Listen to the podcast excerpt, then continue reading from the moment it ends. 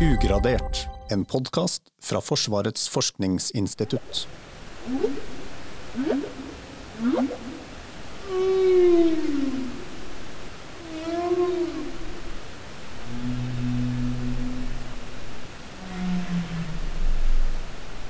Hval bruker lyd til å kommunisere, men hva kan egentlig en bardehval høre? Og hvorfor i all verden jobber Forsvarets forskningsinstitutt med å finne svaret på det spørsmålet? Det er tema for eh, dagens episode av eh, Ugradert. Eh, jeg heter Espen Hofoss, og jeg sitter her sammen med forsker Petter Kvadsheim. Velkommen. Når denne podkasten publiseres, så er du og et forskerteam på eh, ti personer i Lofoten. Fordi i juni i år så starter nemlig etappe to av et helt spesielt norsk-amerikansk forskningsprosjekt eh, som skal vare ut 2024. Og dere skal rett og slett forsøke å fange én eh, eller flere unge vågehvaler levende for å teste ut hvilke lyder de oppfatter. Og så skal dere slippe dem fri. Først av alt, hvorfor i all verden gjør vi det her? Det gjør vi fordi eh, vi mennesker, eh, både Forsvaret og andre deler av samfunnet, vi lager stadig mer støy, støy i havet. For sjøpattedyr og for andre organismer i havet er dette med lyd veldig viktig. De bruker det til å kommunisere med hverandre, de bruker det til å navigere, de bruker det til å finne mat. Og For at vi skulle kunne regulere og forvalte den problemstillingen på en god måte, så må vi eh, ha kunnskap om hvordan denne støyen vi mennesker lager, påvirker dem. Og da er det første vi må vite, er hva slags type lyd kan de egentlig høre. Mm. Men, men, det vet vi ikke allerede? Vi vet det for eh, en del hvaler, typisk disse eh, litt mindre tannhvalene som vi kan ha i fangenskap. Eh, de vet vi noe om hva hører. Eh, men de store badehvalene vet vi ingenting om hva de hører, fordi man ikke har kun klart å ta dem inn i et basseng og, og lære dem å måtte samarbeide med mennesker i forbindelse med at man gjør sånne hørselstester. Nemlig, og, og, Så det skal vi forsøke å få til. Hvordan har dere tenkt å gjøre det? Det gjør vi ved at vi tar helt ville dyr som er ute og svømmer, og så fanger vi dem på en måte som gjør at vi kan øh, vi, vi leder dem inn mellom noen holmer eh, videre inn i en sånn fiskemær. Der kan vi løfte dem opp eh, og, og, sette dem eh, fast. Eh, og så setter vi på dem elektroder. Og så fanger vi rett og slett opp de eh, nervesignalene som øret sender til hjernen når den hører en lyd. Og Dette er en metode som er utvikla til bruk på spedbarn, på samme måte som eh, hvalene ikke samarbeider med oss mennesker når vi ønsker å, å, å spørre dem hva de hører, så samarbeider heller ikke spedbarn. Så da, Denne metoden er utvikla for bruk på nyfødte spedbarn for å undersøke om de har hørselsskader, rett og slett. Mm. Når du sier elektrode, så høres det jo litt sånn skummelt ut. Hvordan ser den her ut? Hva, hva er en elektrode? Ja, en, en, elektrode er jo eh, bare en, et liten metallbit som er kobla til, en, eh, til en, ledning som eh, registrerer elektriske signaler i den. Vi, vanligvis bruker vi sugekopper som holder fast elektroden på huden så er det sånn at disse badehvalene så står at det er mulig at vi må stikke dem inn under huden for å få god nok kontakt med det nervesignalet vi, vi faktisk skal, eh, skal oppfatte. Så, så, det kan være en liten nål en, på størrelse med en sånn um, akupunkturnål som stikkes inn under huden. Eller bare en sugekopp på overflaten. Mm. Og, og, og, du sier løfte dem opp. Det er jo ikke bare bare å løfte opp en hval, men, men da, la oss si den svømmer inn mellom disse nettingene og inn i sånt, en fiskemær som er sånn modifisert oppdrettsbasseng, mm. hvis jeg har forstått det riktig. Men hvordan får dere løfta hvalen der, da? Ja, nå, vi skal jo ikke løfte den ut av vannet. så Det vi rett og slett gjør, er at vi gradvis løfter opp den nota. Som, det, det, det, er rett og slett en flytende plastring med not i. og Så løfter vi gradvis opp den nota, så gjør at hvalen får mindre og mindre plass. Eh, og til slutt så, så klarer ikke hvalen å, å, få plass nok til å svømme, og da blir den hengende i en slags sånn hengekøye. Eh, den henger fortsatt nede i vannet, så vi skal ikke løfte den ut av vannet. Men, eh, men, men da kommer den ingen steder, fordi den ikke har plass til å bruke eh, halen til å slå med, rett og slett, og kan, kan ikke komme seg noe sted. Så har Det jo, det er ikke til å stikke under en stol at det har vært en del protester mot det her forsøket. Eh, og så er det dyrevernsorganisasjoner som mener at forsøkene er helt unødvendig, at det setter både dyr og menneskers helser i fare. Eh, og at hvalen kommer til å oppleve stress og ubehag når dere skal gjøre det her. Altså, hva gjør dere for å sikre dyrevelferden i det her? Ja, først og fremst så, så eh, gjør vi jo dette for, fordi at det er til hvalens beste at vi har den kunnskapen. Men for å få den kunnskapen så må vi jo da fange noen dyr eh, og utsette dem for et, eh, si, et forholdsvis kortvarig ubehag eller en kortvarig stress. Det er viktig å unngå. Vi har veterinærer til stede, og vi har jo veldig mye erfaring sjøl med å jobbe med den type dyr. Vi fanger dem først i et svært basseng mellom noen holmer. Eh, det er et basseng med en million kubikkmeter vann, det har veldig god plass der. Eh, og vi har erfaring med at det stresser dem ikke opp i det hele tatt. Mm. Når du sier basseng, så er det ikke noe som er bygd, det er jo en, et, en del av fjorden som er mellom noen holmer, ikke sant? Riktig, det er rett og slett mellom noen holmer, så, så drar vi igjen i not. og Dermed så kommer den ikke ut derfra. Der kan vi observere den, se at dyret er friskt, at det ikke er avmagra, at det puster på en rolig og oppfører seg på en, på en rolig måte. og er, er en, en kandidat for å kunne Eh, gå videre med i et sånt eksperiment, som nå vil vare i noen timer, og sikkert er litt ubehagelig og stressende for det dyret de timene det varer. Mm. Men for det du sier kandidat, det er, ikke en, det er en vågehval dere skal ha tak i, men det er ikke en hvilken som helst vågehval heller? Altså, hva, hva, er kriteriene for en god kandidat?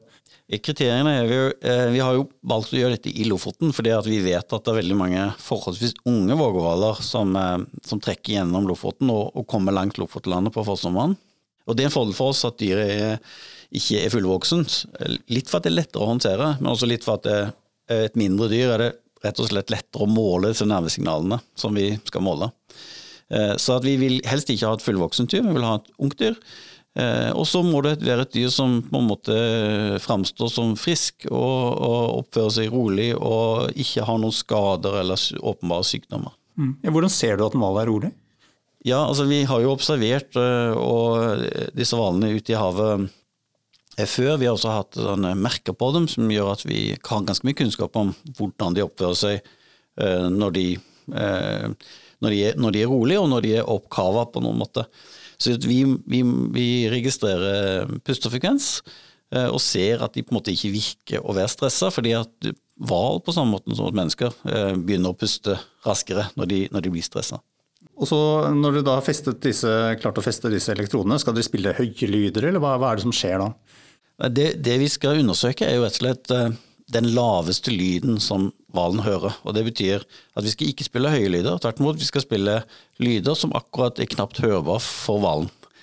Eh, på samme måte som når vi sitter i et sånt bur hos legen og, og blir målt, eh, og de måler hørsel, så, så får du lyder du av og til akkurat ikke kan høre, og av og til akkurat kan høre. Så vi skal ikke utsette disse dyrene for noe høylyd, nei. Nemlig. Men og disse dyrevernerne, eller dyrevernerne hevder jo at vi har masse kunnskap om hvalen. Uh, og, hva den hører, og at, at, det ikke har gitt noe bedre vern av dyr i havet så langt. og at vi derfor ikke trenger denne informasjonen. Hva, hva tenker du om det? Jeg, altså Som ekspert på det området, så i all beskjedenhet, så er jeg helt uenig. For det første så har vi kommet langt uh, med den kunnskapen vi har allerede, i å begynne å, måte, å regulere menneskelig aktivitet, uh, slik at det på en måte tar hensyn til dyrene og støyer mindre. Men så trenger vi denne uh, kunnskapen for å gi gode råd til myndighetene. Myndigheter som enten har ansvar for å regulere støyende aktivitet, eller som har ansvar for å regulere hva si, sjøpattedyrene og trusler mot sjøpattedyrene så er det jo alltid sånn at vi forskere vil jo alltid ha penger, mer penger til det vi syns er gøy og interessant å drive med. Men det er altså et, et eh, forholdsvis kostbart prosjekt, dette. Og det er fem myndighetsorganer som har slått seg sammen og brukt bruker penger på dette, og da tenker jeg at da, fordi de ønsker det svaret, da tenker jeg at dette er viktig. Ikke bare for at vi forskere syns det er eh, interessant å drive med, men også fordi at faktisk de trenger disse svarene. Mm. Dere var jo der oppe i 2021 eh, også eh, for å teste ut eh, denne fangstmetoden. Hvordan, hva skjedde da? Hvordan, hvordan gikk det? Ja, først, først, og fremst så var dette for, for, ja, for, å teste ut fangstmetoden. Så vi, vi satte opp alle disse nøtene, vi, og vi så at det er mulig å avlede hvalen når den kommer svømmende langs landet med sånne lange ledernøtter, og, og lure den inn mellom disse holmene, og så stenge den inne der. Eh, så vi fanga vel fire dyr eh, i dette store bassenget, og så litt, observerte litt opp hvordan de oppførte seg der, og om, det gikk greit. Eh, ingen av disse dyrene gikk vi videre med og på en måte fanga inn i, i, dette mindre bassenget, og ingen av de målte vi hørsel på. Det, det, er det vi skal gjøre i år. Mm. Nemlig. Men hvis dere nå får den informasjonen som, som vi er ute etter, eh, Altså, hvor sannsynlig er det egentlig at det kommer regler? Altså, hvordan, skal de, hvordan, skal det brukes til å beskytte dyr fra menneskeskapt støy? Altså, Siden vi ikke vet noe om hva slags lyd de egentlig hører, så kan du si at uh, disse dyrene de kan jo enten så kan de få hørselsskade av veldig høye lyder, men du får bare hørselsskade i det frekvensområdet du sjøl hører. Så vi kan si noe om hva slags lyder er det sannsynlig at de kan få bli skada av. Eh, også er det sånn at du også, du også, bare blir skremt av lyder du kan høre. Så Vi kan også si noe om hva slags lyder vil skremme dem bort. Eh, og når vi vet mer om det, så kan vi si eh, både noe om hva slags type menneskelig aktivitet som vil kunne forstyrre dem, og også på en måte hvor nære de må være for, for, at, for å kunne forstyrre dem. Og så kan vi selvsagt også si noe om hva slags lyder vi ikke trenger å være så bekymra for i forhold til disse dyrene. Mm. Men hva slags lyder er det Forsvaret, siden du jobber jo i Forsvarets forskningsinstitutt, hva, hva slags lyder er det Forsvaret lager som, som potensielt kan forstyrre hval? Ja, altså Forsvaret har jo masse båter, og de lager lyder. Men det, alle båter lager jo lyd. Det, den type lyd som Forsvaret først og fremst lager, eh, er disse militære sonarene. Forsvaret har mange typer sonarer, og sonarer brukes jo til å finne objekter under vann. Så de sender ut en lydpuls, en ganske kraftig lydpuls. Um, og så får de et ekko tilbake, som du da kan bruke til å detektere enten om det er ubåter på lange avstander, eller om det kanskje er miner eller eh, andre objekter i vannet som de ønsker å Er det det man hører som en sånn bing i ubåtfilmer? Det er akkurat det, det man hører som et bing i ubåtfilmer. Er det, en, er det en hørbar lyd for oss mennesker? Det er en hørbar lyd for oss mennesker. Den, eh, den kan vi høre veldig godt. Hvis du stikker hodet under vann når, eh, når det går et militærfartøy forbi, og den brukes nå, så vil du høre det. Men, men ok, hvis vi finner ut at det er potensielt noe både bardehvaler kan bli eh, forstyrra av, og at de i hvert fall kan høre det. Men, men hva kan egentlig Forsvaret gjøre annerledes? De, de, må jo bruke sonar når det er nødvendig? Ja, De har ikke noe alternativ teknologi til det å bruke sonar hvis man skal eh, finne en ubåt som, eh, som, er under vann, så må man bruke sonar eh, i dag. Eh, så, så, men så er det sånn at uh, i, i krig vil de kanskje ikke bry seg så veldig mye om sjøpattedyrene. Uh, men i fredstid så kan man jo planlegge litt hvor man velger å øve og, og bruke disse sonarene. Og det gjør Forsvaret allerede. Uh, de har områder som de forsøker å unngå å øve, og områder og perioder hvor vi vet at det er veldig mye sjøpattedyr. Mm. Og det er basert på tidligere forskning om hvordan dyret påvirkes av støy? Ja, riktig. Ja. Mm. Men, men, når var det vi begynte? Dette er jo ikke det første prosjektet der FFI forsker på støy eh, og hvordan det påvirker dyr. Når var det vi starta med det? Vi starta med dette tilbake til 2003. Eh, og det var omtrent da vi, vi eh, begynte å fase inn disse nye Nansen-klassefregattene, som hadde veldig moderne sonarutrustning for å detektere undervannsbåter.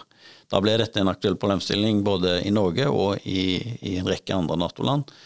Eh, hvor man begynte å sette fokus på dette. De var, de var kraftigere sonarer enn man hadde hatt før? De var ikke nødvendigvis kraftigere, men de var med på en annen frekvensområde som gjorde at de ble langtrekkende, så at måte, energien, lydenergien ble bevart bedre i vannmassen. Mm. Uh, det har vært flere forskjellige prosjekter. Hva er det viktigste vi har funnet ut så langt? Uh, det, det, vi har funnet ut så langt, er jo at dyrene kan faktisk bli skadd av disse sonarene hvis de er nære nok. Eh, og da vi, har vi jo egentlig bare kunnskap om tannhvalene. Vi kan si noe ganske sikkert om det, de vil bli skadd, men, men hvis de er veldig nære. Hvor langt unna da? Ja, altså Forsvaret har eh, observatører på sine fartøy og har fått beskjed om at hvis dyrene kommer nærmere enn 500-1000 meter, så må man redusere en, en utsendt energi på sonaren for å unngå disse hørselsskadene. Mm. Så det, det, er den størrelsesorden der, som jo er forholdsvis nære. Følger de opp det? Eh, ja, det følger de opp. Dette for retningslinjer som Forsvaret har pålagt seg sjøl, og som de følger opp. Men har, har det her arbeidet ført til noen andre altså endringer i rutiner eller noen forbedringer i hvordan Forsvaret opererer, bortsett fra det at de følger med på dyreliv i nærheten? Eh, ja, altså i forbindelse med at de starter opp sonarutsendelse, så, så bruker de en prosedyre som vi kaller for ramp-up, som innebærer at de sender på lavere nivå uh, innledningsvis. Og Det er rett og slett for å gi dyrene et varsel om at nå kommer det til å bli mye lyd her. Og så får dyrene en anledning til å komme seg unna denne faresonen rundt fartøyene. Har man observert hvordan de reagerer på det? Altså, ja, Vi har også gjort forskning direkte på det, altså på, på hvorvidt denne prosedyren vil redusere risikoen for at de tar skade, og funnet ut at det gjør den, og derfor så bruker Forsvaret den. Så, så har vi også studert ganske mye atferden til dyrene. Eh, fordi at noen arter viser seg jo at de de eh, oppfatter disse sonarene som en eller annen form for trussel, og, og så stikker de av. Og Det kan jo være problematisk hvis de er i et viktig område med, og de kanskje er viktig for dem å være der og beite og sånne ting, og at de da blir skremt bort. Og så vet vi da at noen arter er mer følsomme enn andre arter. Eh, F.eks. disse nebbhvalene som vi har en del av langt ute havs. Voldsomt, følsomme, mens spermhval f.eks. er mye mindre følsom. Men så vet vi altså veldig mye mindre om disse badehvalene mm. som dette prosjektet handler om. For Dere har ikke observert uh, bardehvaler på samme måte, og hvordan de reagerer? Vi har gjort noen uh, atferdsstudier, altså hvordan de reagerer på militære sonarene. Men, men har, det blir vanskelig å tolke de resultatene når vi ikke egentlig vet hva de vil høre og ikke høre. Vi må tilbake til Lofoten. Det her er jo som, som jeg nevnte et norsk-amerikansk prosjekt. For, fordi det er både norske og amerikanske forskere som deltar. Men, men finansieringa kommer jo i sin helhet fra amerikanske myndigheter. Hvem er, hvem er, det som står bak her, og hvorfor betaler de egentlig mange millioner for å teste hørselen til hval som befinner seg i et helt annet land? Hva skal de bruke kunnskapen til? Ja, altså Grunnen til at de, vi gjør det her, er jo fordi at en, vi har en unik mulighet til å fange disse dyrene her. Eh, og Grunnen til at eh, disse amerikanske myndighetene bruker penger på det, Eh, det, det, det, er altså fem amerikanske myndigheter som alle enten er støyforurensere, altså forvalter støyforurensningen, enten US Navy sjøl eh, eller eh, olje- og gassvirksomheten, altså myndighetene som regulerer olje- og gassvirksomheten i USA. Eller, de, eller myndigheter som har ansvar for si, forvaltningen av dyrene. Eh, fiskeriforvaltningen og, og, miljøforvaltningen i USA. Det er de myndighetsorganene som, som, bruker penger på dette, og for dem er det viktig å ha den kunnskapen for å kunne på en måte styre dette på, på en god måte, og regulere støy og støyforurensning på en god måte. Mm. Du har jo forska på det her lenge. Basert på det du allerede vet, har du noen slags hypotese om hva bardehvalene hører?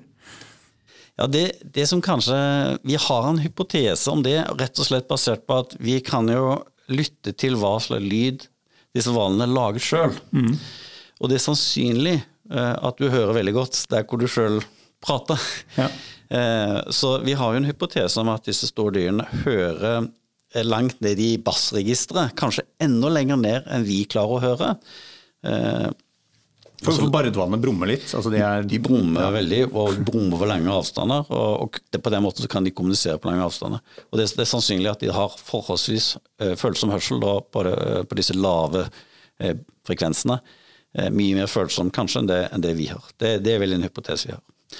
Det som kanskje er mest spennende, er hvor langt opp i registeret, i, i frekvensregisteret de kan høre om de hører altså, De hører kanskje mer høyfrekvente lyd enn, enn vi i enn vi gjør. Og det gjør de, Vi har en hypotese om at det kanskje de ikke gjør, men det, det, den er basert på si, dimensjon, dimensjoner og størrelser på disse membranene inni øret kan tyde på at de ikke gjør det. Men det er en av de tingene vi ønsker å finne ut av. Mm. Og, og sonarene, hvor på skala er de? Er de ganske høyfrekvente? De ligger kanskje midt, omtrent midt i vårt hørselsregister, altså, så midt i det registeret. Så, men så finnes det enkelte sonarer som er litt mer høyfrekvente, og det kan det godt være at vi kan utelukke at disse sonarene Eh, vil forstyrre badevannene, mens, mens disse langtrekkende sonarene kanskje, kanskje, vil være godt hørbare også for badevannene. Hmm. Så er det ikke helt tilfeldig at de velger å samarbeide med, med FFI og, og, deg. Eh, du har lang erfaring i å forske, med, forske på hvordan eh, dyrelivet i havet påvirkes av støy. Men så lurer jeg på når og hvordan starta egentlig det? Hvordan, hvordan havner man inn på et sånt fagfelt? Jeg har jo bakgrunn fra Eh, universitetet, Universitetet i Tromsø, og eh, zoofysiolog. En til. Zoofysiolog. Så jeg har en doktorgrad i hvordan dykkende pattedyr eh, er skrudd sammen for å kunne leve i vann og, og dykke. Og regulere temperatur og oksygenforvaltning og sånne ting. Og så slutta jeg på universitetet og begynte på FFI, nettopp fordi at jeg var interessert i denne problemstillingen som er knytta til hvordan lyd påvirker dem. Mm. Bortsett fra akkurat det her, hva er det mest spennende du har vært med på å forske på så langt? Eh, nei, altså vi har gjort eh, veldig mye spennende. og En av de er jo at vi setter sånne små eh, sensorpakker med litt lydopptakere på ryggen på hvalene. Og, og, og registrerer hvordan de dykker, hvordan de oppfører seg, hva slags lyd de sjøl lager. Og så utsetter vi dem for sånn lyd. Og så ser vi hvordan atferden deres blir, blir endra. Og det, det får lov å være ute på havet og møte dyrene der de Altså frittlevende dyr på den måten, og studere atferd på den måten, det har vært fantastisk gøyalt. Mm. Det skjønner jeg. Eh, vet du hva, Petter? Tusen takk for at du kom, og, og lykke til med forsøkene i eh, Lofoten i år. Eh, vi kommer garantert tilbake med rapporter fra, fra det på ffi.no. Følg med, og takk for i dag.